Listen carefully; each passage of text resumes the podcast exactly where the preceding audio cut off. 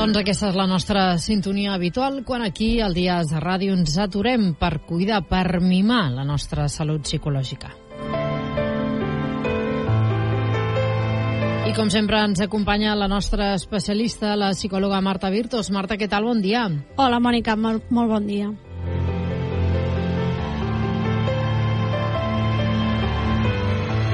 Doncs avui, tant a les 11 com a les 12, he presentat quin seria el tema del qual parlaríem avui, que de fet és una segona part, eh? perquè d'aquest tema ja, ja en vam parlar doncs ara farà un mes eh, aproximadament, oi que sí, Marta? Ja vam sí, parlar que, que, que s'assemblava no exactament del tema que avui parlarem, però sí uh, doncs, d'un tema molt i molt semblant i ja vam dir, uh, haurem d'obrir una segona part, oi? Sí, vam estar parlant l'última vegada que vaig venir mm. a la ràdio eh, sobre el tema de la, de la parella, no? Mm. de la comunicació dintre de la parella. Vam parlar de, bueno, vam donar consells no? de com mantenir la bona comunicació i que, que bueno, cuidar, com mimar mm. la parella, no? I d'aquí va sorgir tot el tema de què és l'amor, no? I com relacionem l'amor i el que no és amor, no? És a dir, el que són relacions tòxiques tòxiques o tot allò que denominem l'amor romàntic, no? Uh mhm. -huh. Bé, doncs jo quan he presentat el tema tant a les 11 com a les 12 no em renyis, eh, Marta? Perquè he dit, ai, l'amor, perquè, clar, quan pensem en l'amor, eh, pensem en, en, aquest, en aquesta alegria, en aquesta bona cara i amb aquest ai... Però, clar, no tots són ai, l'amor. També hi ha coses que no són tan maques, l'amor, sí o no? Sí, i tant. De fet, l'amor s'ha de treballar, no? Mm -hmm. Sí que és veritat que té la part aquesta maca, com tu dius, i jo sempre dic que una relació d'amor del tipus que sigui, no? Perquè també relacionem sempre l'amor amb l'amor de parella i sempre volia matitzar, no? El primer de tot, que hi ha diferents tipus d'amor. Doncs l'amor la, a amistats, per exemple, l'amor mare-fill o entre altres familiars, entre germans, a pares a fills, a fills a pares, etc.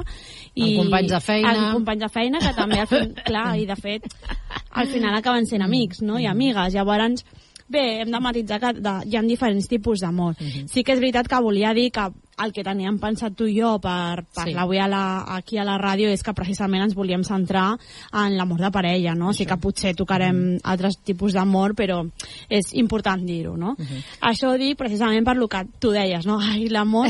doncs sí, és veritat, no? Al final potser aquesta ha de ser una mica la, la, el que t'ha de portar, no? A l'estar il·lusionat i il·lusionada i sobretot jo sempre dic que al final l'amor t'ha de fer créixer com a persona, no? Que en cap moment ni t'ha de cohibir ni, ni fer-te canviar. Uh mhm. -huh.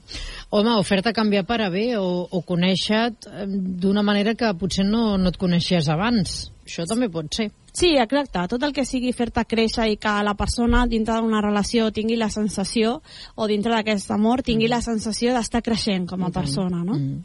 Bé, doncs, clar, jo ara et faré una pregunta que potser em dius que aquesta dona que em pregunta, o els nostres oients diran, pot, pot ser possible que aquesta dona pregunti això, però home, jo crec que t'ho he de plantejar i preguntar en un primer moment. Què és l'amor? Exacte, sí. La veritat és que costa molt de, de, de definir-ho, no? I, de fet, bueno, el que sí que podem dir l'amor és el que potser tothom sap, no? Que l'amor és una de les emocions bàsiques que sentim i, i bé, segurament hi ha gent que diu que, bueno, és un motor, no? L'amor per qualsevol cosa, no? Fins i tot l'amor per la teva feina o la passió per la teva feina mm. pot fer que tu siguis una, una bona professional. Doncs l'amor per la teva parella farà, doncs, això, no? Que, que lluitis, que treballis que, i que vulguis continuar, no? igual que amb qualsevol altra persona.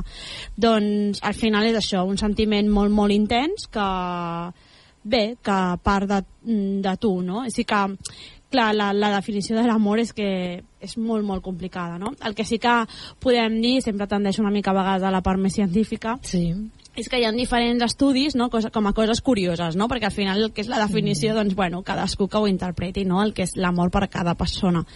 Eh, que després parlarem del que no és l'amor, que a vegades és més fàcil explicar el que no és l'amor mm. que el que sí que és l'amor. No? Doncs bé, com a curiositats científiques no? sempre es fa la diferència entre l'enamorament i l'amor, no? que a l'enamorament sempre parlem de la primera etapa o fase de l'amor, on hi ha un procés com molt químic, no? Llavors, eh, aquest procés químic, per exemple, eh, està caracteritzat perquè hi ha segreguem molta serotonina, que la serotonina mm. el que fa és que ens puja el nostre estat d'ànim, per això quan una persona està enamorada se la veu contenta, se la veu feliç, no? I se li veu amb, amb ganes, amb motivació, amb ganes de fer activitats, etc. Per un altre cantó, també aquesta serotonina el que ens fa és que ens produeix en, com que apareixin una sèrie de pensaments en relació a aquella persona, no? Mhm. Doncs a- el, saps allò que diuen de ai, és que estic enamorada, no puc, o enamorada, no puc parar de pensar en aquella persona, doncs això és el que ho fa la serotonina, no? Per un altre cantó, també um, desprenem més o generem més eh, adrenalina, que això el que fa és que eh, estem més activats, ens movem més, tenim més ganes de, de fer activitats. Escolta, això caduca. Jo ara mateix estic segregant molta serotonina i què més has dit? Adrenalina, Adrenalina. i tot, i tot el que acaba en ina també. Estic segregant molt d'això. Això s'acaba? Dius que això s'acabarà algun dia? Clar, a la fase de l'enamorament es diu que com a màxim dura com dos anys, no? O més o menys els estudis és el que diuen. bueno, però clar, qui- quin estudi? aquest- Quina universitat ha fet aquest Sí, estudi? però hem de Quina pensar- credibilitat té aquest estudi? Aquest estudi. Que duri, que duri, no morir. No, però el que sí que podem dir és que l'amor va canviant. Mm, això és veritat. a- Va evolucionant, exacte, clar, va i- i ha de evolucionant. passar i és Nosaltres bo, sí. estem parlant d'aquesta primera etapa que és molt important perquè al final aquesta primera etapa el que fa és precisament generar aquest vincle amb Mm. aquella persona, però a partir d'aquí apareixen um, altres, altre, altres aspectes importants per, dintre d'una relació, no? De fet, també algo curiós, per exemple, perquè dius ai, que no s'acabi, ai, que no s'acabi, perquè una altra cosa que generem és la dopamina. Ah, I la doncs també dopamina- tinc d'això. i la dopamina, per exemple, Sí. està molt relacionada també amb, les, amb el, tot el que són conductes mm. plaenteres o, o per exemple, la, la droga també el que fa és que estimula aquesta via dopaminèrgica del, del nostre cervell, que és la que ens genera plaer, no? Mm. D'aquí que la Mònica... Sí, sí, tinc molt d'això. Que diu que no vol que s'acabi, no? Sí. Doncs és per, precisament per això, no? Però, per exemple, Stenberg, no? que mm, ell va ser un autor que va fer la, la teoria triangular de l'amor Mhm. i ell precisament ens explica això, no? que l'amor, per ell, eh, diguem que és com, ho marca com en un triangle, no? com si l'amor fos un triangle i en cada una de les, dels vèrtexs d'aquest triangle doncs tenim per un cantó la intimitat, és a dir, la, pues això, no? que és el que genera precisament l'enamorament, no? doncs aquesta, el buscar estar proper a l'altre, eh, voler tenir moments íntims i estar amb aquella persona, afecte, confiança, no? el, aquell interès per saber de l'altre i que l'altre sàpiga de tu, a l'altre vèrtex tindríem el que és la passió, eh, bé, tota la part de l'excitació i, no? i voler estar amb l'altre de manera més sexual. I per últim també el que és el compromís, que al final jo sempre dic no? que pot aparèixer l'enamorament no? I, i un dels mites de l'amor romàntic dels que parlarem més eh, tard és precisament que l'amor ha de durar tota la vida no? i al final el que hem de dir és que l'amor dura el que dura però eh, un amor dura molt si el cuidem, si el mimem però sobretot que aquest compromís el que fa és que tu dia a dia decideixis no? que tu et compenses amb aquella persona que com hem dit abans que t'aporta i que et fa créixer i per tant vulguis continuar Segregant tot això, no? To- sí, Eh, segregant tot el que acaba en ina, hem dit això. Escolta, quina és la diferència, ho has dit una mica per sobre, però vull que ens aturem una mica, entre enamorament i amor?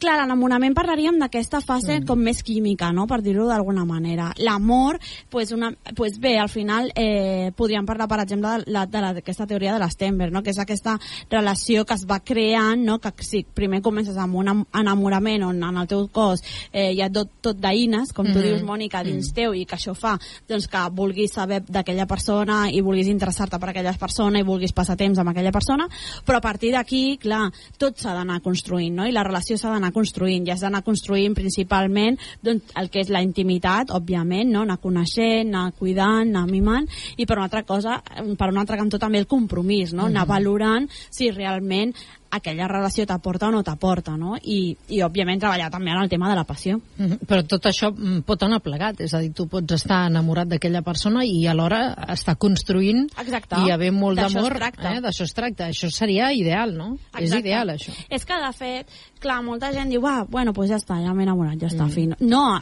aquí comença la feina, no? Perquè al final has de dedicar temps a conèixer l'altre, a veure qui és, a veure com és, a veure quines coses li agraden, a veure com et fa sentir a tu també, uh -huh. i anar construint, no? Pues veure quins valors té, quines són les cre seves creences, veure també una mica el projecte de vida que tingui aquella persona i si encaixa en el teu projecte de vida. Uh -huh. I a partir d'aquí, doncs, anar treballant. I es pot tra treballar en qualsevol d'aquests tres àmbits que hem dit, no? Perquè, per exemple, una altra mita no, sobre l'amor que també hem de desmentir és el tema de la sexualitat, no? Que amb aquella persona s'ha de mm, ser sexualment perfecta, no? I que tot vagi bé i que hi hagi molt plaer.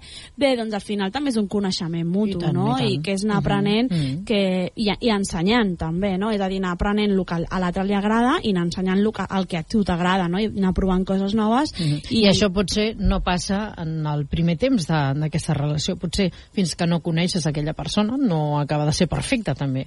Clar, és que tampoc, bé, mm, que és la perfecció, Bé, no? I al final és cometes, això, no? sí. De, de, de buscar el- a l'intentar, doncs, que simplement que sigui que hi hagi plaer per, per part dels dos i que, i que t'ompli en aquest sentit i això també es pot treballar. Molt bé, doncs estem parlant avui de l'amor, ho fem amb la nostra psicòloga, amb la Marta Virtos. Què és l'amor? Bé, ja ho sabem.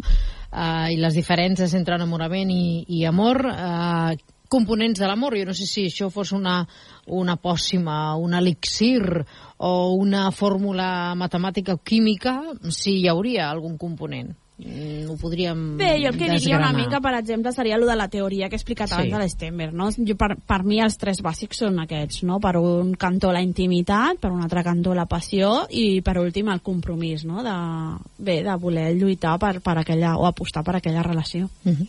Doncs avui estem parlant, insisteixo, de l'amor. Clar, abans ho has esmentat així per sobre, perquè en parlarem en aquests propers minuts. De fet, ara mateix ja t'ho plantejo. En moltes ocasions hem escoltat dir, no, no, és que allò era, era perquè es parla en passat normalment, i, i és bo parlar en passat quan parlem d'un amor o una relació tòxica.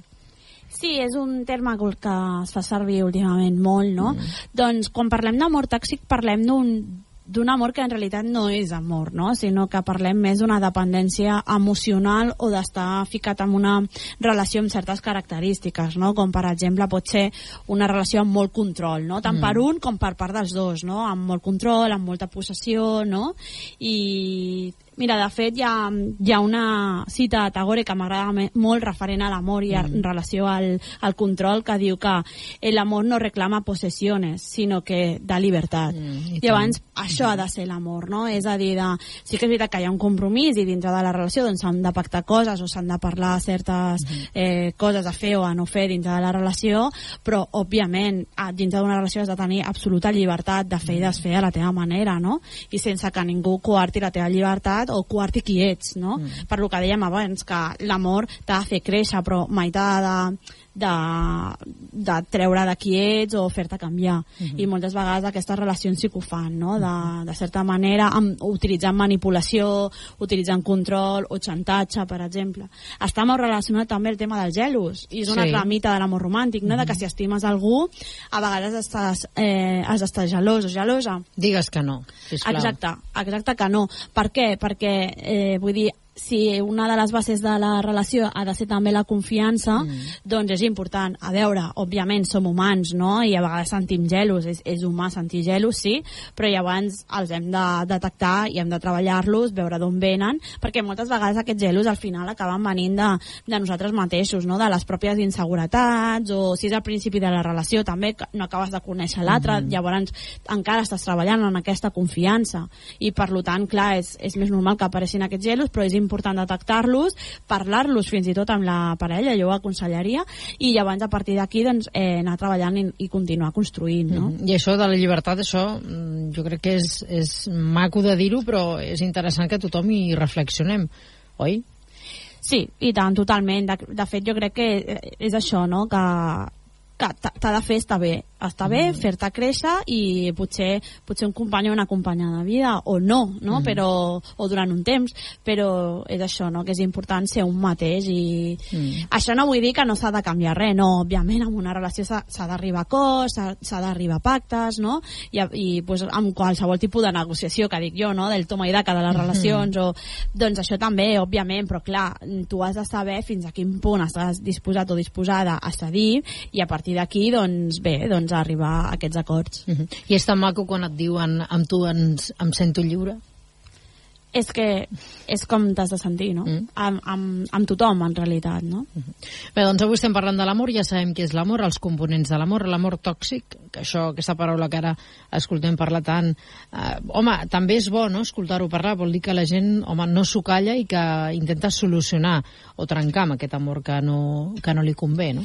Clar, al final jo crec que tot comença amb un anàlisi no, de en quin tipus de relació estic, quines característiques té. De fet, això és un exercici que jo recomano a tothom, mm. no? de, de pensar què és l'amor per mi, eh, què, què, què haig de tenir jo en una relació de parella, quin tipus de relació de parella vull, perquè hi ha molts tipus de relacions i molts tipus d'amors o mil maneres no, de, mm. de viure això. Llavors, clar, no, no hem de buscar la perfecció, com dèiem abans, perquè la perfecció no, no existeix, però sí que hem de mirar els nostres mínims, és a dir, per nosaltres què és lo fundamental, quins són els nostres valors, quines són les nostres creences, què és el que nosaltres necessitem, no? Però no perquè ens cobreixi ningú les nostres necessitats, sinó què necessitem nosaltres dintre d'una mm, relació. I, I a partir d'aquí sempre anar comparant, perquè al final és el que jo dèiem, trobar algú amb qui enamorar-te és relativament fàcil, però el que costa més és mantenir això, no? Jo sempre dic que, que cada dia dia comences la teva relació, no? I que cada mm. dia l'has de cuidar, cada dia l'has de mimar i cada dia, doncs, has de dedicar-li cert temps. O qui no. diu cada dia, mm. cada X dies, no? No sé com dir-ho. No estaria gaire d'acord amb això de que és fàcil enamorar-te. Bueno, mm, però potser, clar, és el primer pas, no? Primer mm. t'has d'enamorar i després ve tota la resta. Bé, bé. Amor romàntic, d'això també n'hem parlat. Home, quan estudiàvem, oi que se'n parlava molt, com es parlava segons quins escriptors i poetes, no? L'amor romàntic o l'amor romàntic, no? Exacte, i, i l'amor romàntic o les, les ideologies de l'amor romàntic estan molt relacionades amb l'amor tòxic, no? Mm. Perquè, perquè l'amor romàntic eh, parlem d'aquell amor típic de les pel·lícules de Disney mm. o de certes pel·lícules romàntiques, comèdies romàntiques i de més, on sempre acabem veient el, els mateixos arguments, no? de que al final l'argument de la pel·lícula és que dues persones que s'enamoren, al mig de la pel·lícula hi ha una supercrisi normalment tot trontolla i al final de la pel·lícula doncs mm, qui ha patit perdona l'altre, no? I, i normalment qui pateix més normalment és la dona. Sí. No? Llavors que tot es perdona per l'amor, que l'amor ho val tot, no? Llavors, clar, aquí t'està transmetent una, un tipus de relació que no és així, perquè no és igualitària, no? I al final, si algú ha de ser una relació, és, és igualitària, no? De fet, aquí em ve una altra cita del Walter Winchell que diu Nunca por encima de ti, nunca por debajo de ti, siempre a tu lado. Mm, I és això el que hauria de ser mm. una relació, no? precisament, i que sigui igual. Després, altres, altres mites de l'amor romàntic, doncs, per exemple, que l'amor ha de ser a primera vista.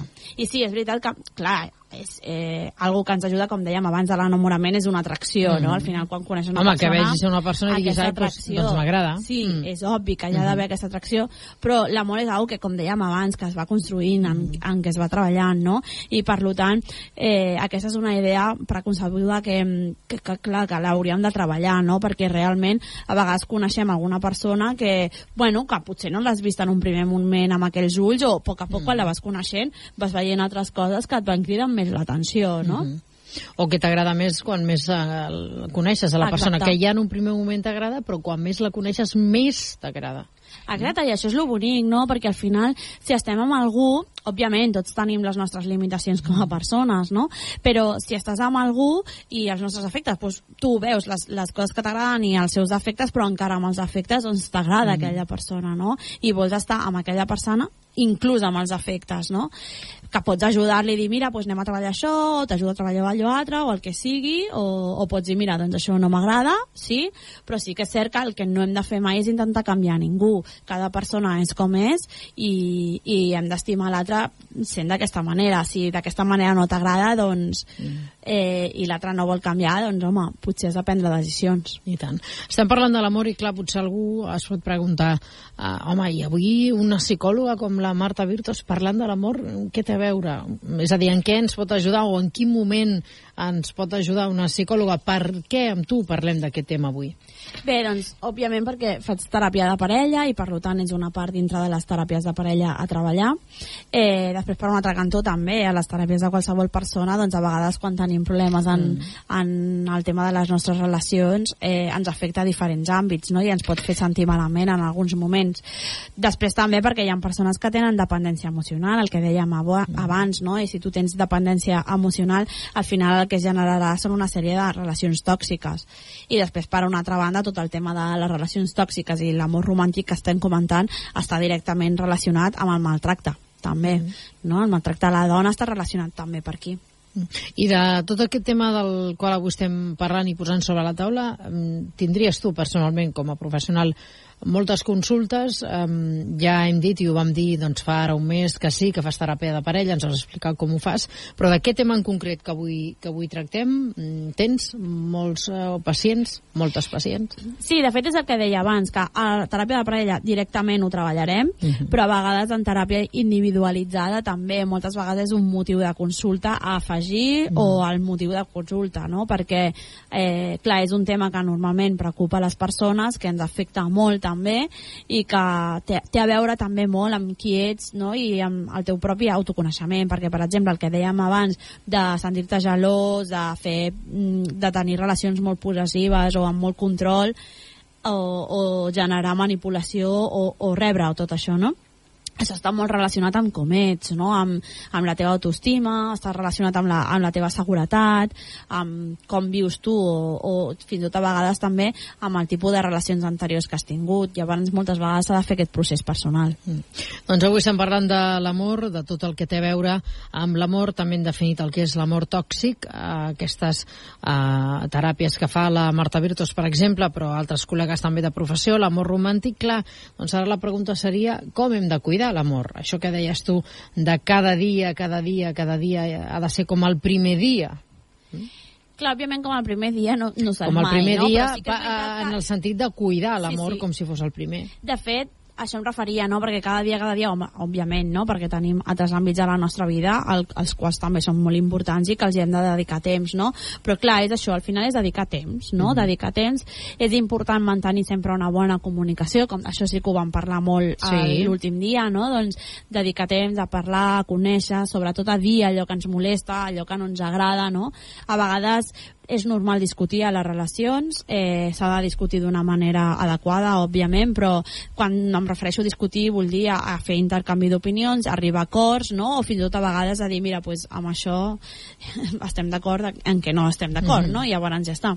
Eh, sobretot, eh, també treballar tot el tema que dèiem abans de la intimitat, no? de continuar tenint aquella intimitat, de saber de l'altre, de que l'altre compti amb tu, d'aquell recolzament, Eh, I després, òbviament, la, el que dèiem de la passió és molt important, s'ha de treballar també, s'ha de fer canviar coses, però moltes vegades jo crec que en les relacions el que passa és que s'entra en una monotonia i abans aquí també el que s'ha de treballar és a dedicar-nos temps. Mm -hmm. El temps és important, no?, de, de fer coses, no?, perquè moltes vegades es viu junts i dius, bueno, doncs ja estem a casa, ens veiem, no?, però a vegades dintre d'aquesta rutina doncs és important sortir d'aquesta rutina, fer activitats, fer coses, i sobretot jo sempre faig com un dibuix, no?, que és com dues eh, circunferències creuades, no?, i a la part del mig té la part que es comparteix dins de la relació, no?, i al final visualment es veu que la part que es comparteix en una relació és una part molt petita, perquè cadascú de nosaltres tenim en les nostres vides altres àmbits, la feina, amistats, eh, temps per nosaltres mateixos, temps d'oci, no?, i al final mm -hmm. el que dediquem a la, parella, a la parella és un espai molt petit, això també és molt important, no?, el, el respecte respecte al que dèiem, no? de la llibertat de l'altre per fer allò que vulgui també, a part de la nostra relació. Doncs avui estem parlant de l'amor amb la nostra psicòloga, amb la Marta Virtos. L'hem de cuidar d'aquesta manera que ara ens explica, però si algú que potser ara ens sintonitza, no? que s'ha perdut tota la introducció i tot el que hem estat explicant, de moment hem de dir que mal fet, que ens ha d'escoltar des del primer moment. Eh? Segon li diria que pot eh, tornar-nos a escoltar a través del podcast, que se'l pot descarregar a www.radiosavoi.cat, allà ho té molt bé, o que tenim una aplicació també per descarregar el mòbil, que això no tothom ho sap, jo crec que és molt pràctic i va molt bé. Bé, Un cop dit això, si algú ara mateix ens sintonitza i diu ai, mira, han estat parlant de l'amor, fem un esforç de síntesi, abans que em llegeixis allò tan maco que has escrit, Marta, que ho deixarem pel final, un esforç de síntesi, coses imprescindibles que hem de tenir en compte en qualsevol dels moments de l'etapa de l'amor. En aquell primer amor que dèiem de l'enamorament, amb allò de les ines, eh, que en aquest moment doncs, eh, eh, tenim algunes de nosaltres, eh, tot això, en aquest temps que has dit tu, eh, que pot ser més llarg o més curt, eh, quan entra entra ja a l'amor en majúscules com a protagonista, què és el que, sí, resumint, hem de tenir en compte? Bé, doncs jo, de tot el que hem parlat, el que resumiria és sobretot dir no, que l'amor és una que s'ha de cuidar, no, que s'ha de mimar, que es basa en, en tres factors principalment, la intimitat, la passió i el, i el compromís i, i bé, jo sobretot diferenciaria o faria eh, bueno, li donaria més rellevància al tema de què no és l'amor, no? Llavors, sobretot, el que diria és que parlaria de l'amor tòxic, no? Mm. Llavors, el que diria és que si creiem que estem en una relació en la que hi ha certa dependència emocional o, sen o certa sensació de no poder viure sense l'altre, no? Eh, o sentir-te que, tens, que et sents controlat o controlada, que fins i tot moltes vegades el que pot passar és que la teva vida social, a part de la relació, doncs es, es va sent cada vegada més més limitada, o que tens massa mm, sensació de, de que l'altre et digui que sí, o que et dongui la seva aprovació, o la sensació de, ostres, per fer certes coses li haig de demanar permís a l'altre, o que hi ha gelos de pel mig, a vegades potser que et facin xantatge emocional o manipulació, no? o que creguis que no tens la capacitat de parlar lliurement amb l'altre, no? aquí el que diria és que ull, no? perquè potser sí que estem en una relació amb certes coses a treballar o amb un amor tòxic, no? Mm -hmm. i a partir d'aquí doncs, seria important buscar ajuda o fins i tot replantejar-se la relació. Mm. Que això segurament serà el més difícil, no? Quan ve algú, mm, per exemple, a la teva consulta, fa el plantejament, fa teràpia inclús, però mm, doncs arriba el moment en què, en què no és possible continuar amb aquella parella i que no sé si tu o ell, la mateixa persona ja se n'adona, però tu també has de ser qui ha d'aconsellar o qui ha de donar les pistes, encara que l'ideal és que la persona se n'adoni, no? Però que tu també has de donar les pistes a dir, bé, potser aquest camí no és el que et convé. Clar, la veritat és que jo, per exemple, a teràpia normalment l'opinió no la dono a no ser que vegi que realment la persona està ficada en una relació mm. molt, molt tòxica on hi hagi maltractament. Però sí que és veritat que el que es fa és treballar mm. i veure una mica en base a el que dèiem abans, no? a fer una valoració de qui ets tu, quins són els teus valors, què és el que tu necessites a la teva vida, com vols construir la teva vida o quin és el teu projecte de vida uh mhm. -huh. i veure si realment aquella persona amb la que estàs t'està portant allò necessari no? per tu sentir-te bé, no? per, per sentir-te a gust. També a vegades valorem el fet de, de potser de, de no canviar, no? De, de fins a quin punt aquella relació t'està fent canviar, si et sents lliure mm. o no et sents lliure és a dir, que es valora tot això i llavors es fa la comparació una mica amb, amb quina relació estic, no? És a dir, una mica es compara el jo que vull, jo que necessito, jo qui sóc, com sóc, i si realment a la relació en la, en la que jo estic eh, m'està portant tot això o no. Uh -huh, molt bé. I tot això amb molta comunicació. Oi que sí? Jo crec que la comunicació és fonamental en tots els àmbits de la vida, però avui ja que parlem de l'amor i de la parella, doncs eh, número 1, comunicació.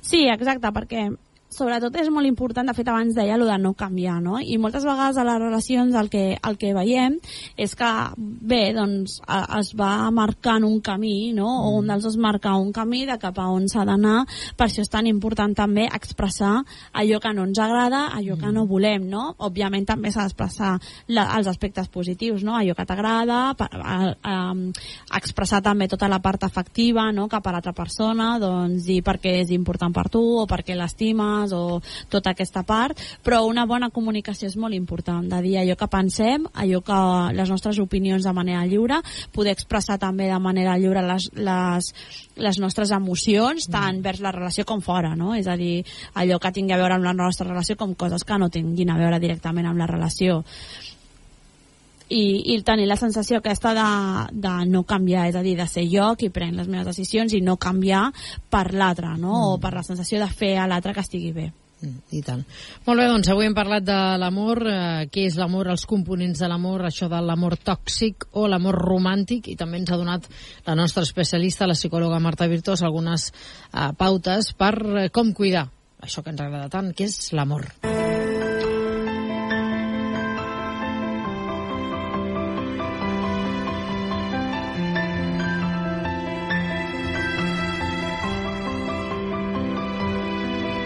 has dit al principi, però ho hem de ratificar. A L'amor, avui ens hem dedicat a l'amor a, a la parella. Però clar, hi ha amors, com dius tu, doncs, eh, als nostres fills, als nostres pares, als nostres germans, a companys de feina, a col·laboradors de programes de ràdio, col·laboradores com a tu, que t'estimo molt. Gràcies, Marta. Mònica, però, clar, també. però avui ens hem centrat en amor de parella, eh? Queda clar, potser més endavant en Sí, podríem és parlar de, molt dels important altres fer tipus. aquest eh? matís sí, perquè, oi? de fet, dintre de l'amor romàntic, una altra de les coses que no hem parlat i que és important és que moltes vegades hi ha aquesta creença de que has d'estar amb algú que t'ompli en tots aquests sentits. Clar. I això és No, innecessari, no. no. Perquè hi ha moltes altres persones a la teva vida que també t'aportaran i t'ompliran, no? I el que deies tu, que aquestes persones també les estimaràs d'altres maneres, però també és amor. I a qualsevol edat, perquè clar, a vegades sembla no, com són joves, mira, s'han enamorat, o semblen, doncs això, que tenen 15 anys, 18 anys, no, no, és que, escolti, em puc enamorar jo, que tinc 47 anys, igual de la mateixa manera que una persona que ens estigui escoltant i que tingui 20, i a vegades que es dubta, ah, però amb 47 anys, doncs sí, escolti. I amb 80 també. Oi que sí? Jo, jo parlo per mi, però clar, ja m'imagino que amb 80 anys... I amb... Bé, el primer que hem dit és que Sí l'amor no? és una emoció no té humana. L'amor no té edat, no? Això Exacte. seria veritat. És una Aquí? emoció humana i per tant la podem tenir i, i l'hauríem de tenir a totes les nostres edats perquè com hem dit abans no, no només hi ha l'amor així de parella sinó Mm. que hi ha altres amors i que l'amor hauria de ser un ingredient sempre de les nostres vides. Doncs ja per finalitzar sempre demanem un esforç de síntesi que avui crec que serà més especial que d'altres vegades perquè ho has escrit tu, és veritat això? Sí, perquè sempre busco algun poema, alguna cita o, i, i no trobava cap que, que m'acabés d'encabir amb el programa que havíem preparat, no? I al final he dit, mira, pues em poso i, i escric quatre línies. Molt bé. Vols alguna música especial per... o la nostra sintonia? La sintonia nostra ja ens Sí, doncs vinga, Eric, endavant. Per estimar, respecta, confia, tingues honestedat, busca la igualtat, apassiona't, parla, il·lusiona't, demostra-ho. Però si de veritat vols que funcioni, fes-ho cap a tu, ja que la primera persona a la que has d'estimar ets tu.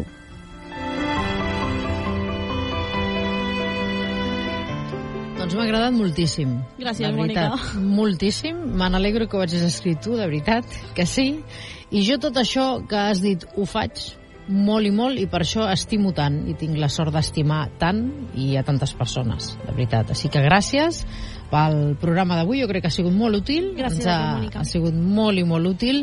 I, home, ja tornarà, no sé si seguirem parlant de l'amor, jo crec que ho hauríem de deixar aquí, no? Sí, ja... jo crec que ja, ja, ja, ja hem fet dos programes, sí. sí. jo crec que ja han molts temes per parlar i la propera sessió doncs I tant, ja... buscarem un altre tema. Exacte. Sí que volia aprofitar per dir, per si hi ha alguna persona que es vulgui contactar amb mi o Sí. vulgui fer-me qualsevol pregunta o tingui qualsevol dubte, aprofito per donar les meves dades de contacte. Endavant. Eh, el correu electrònic és mvirtos, amb v baixa, arroba psicolocornellà, .es. També em poden veure a la web amb el mateix nom, psicolocornellà.es, o buscar-me per Facebook, si posen el meu nom, Marta Virtus Fernández, també em troben, o si prefereixen per- trucar per telèfon, doncs és el 722 53 53 45. Doncs moltíssimes gràcies, Marta Virtus, que avui hem parlat de... Ai, l'amor. Eh, ho he fet, veus com ho he fet bé, començar per aquí, sí o no? I tant que sí. gràcies, Marta. Gràcies a tu, Mònica, un Adéu. plaer, com sempre.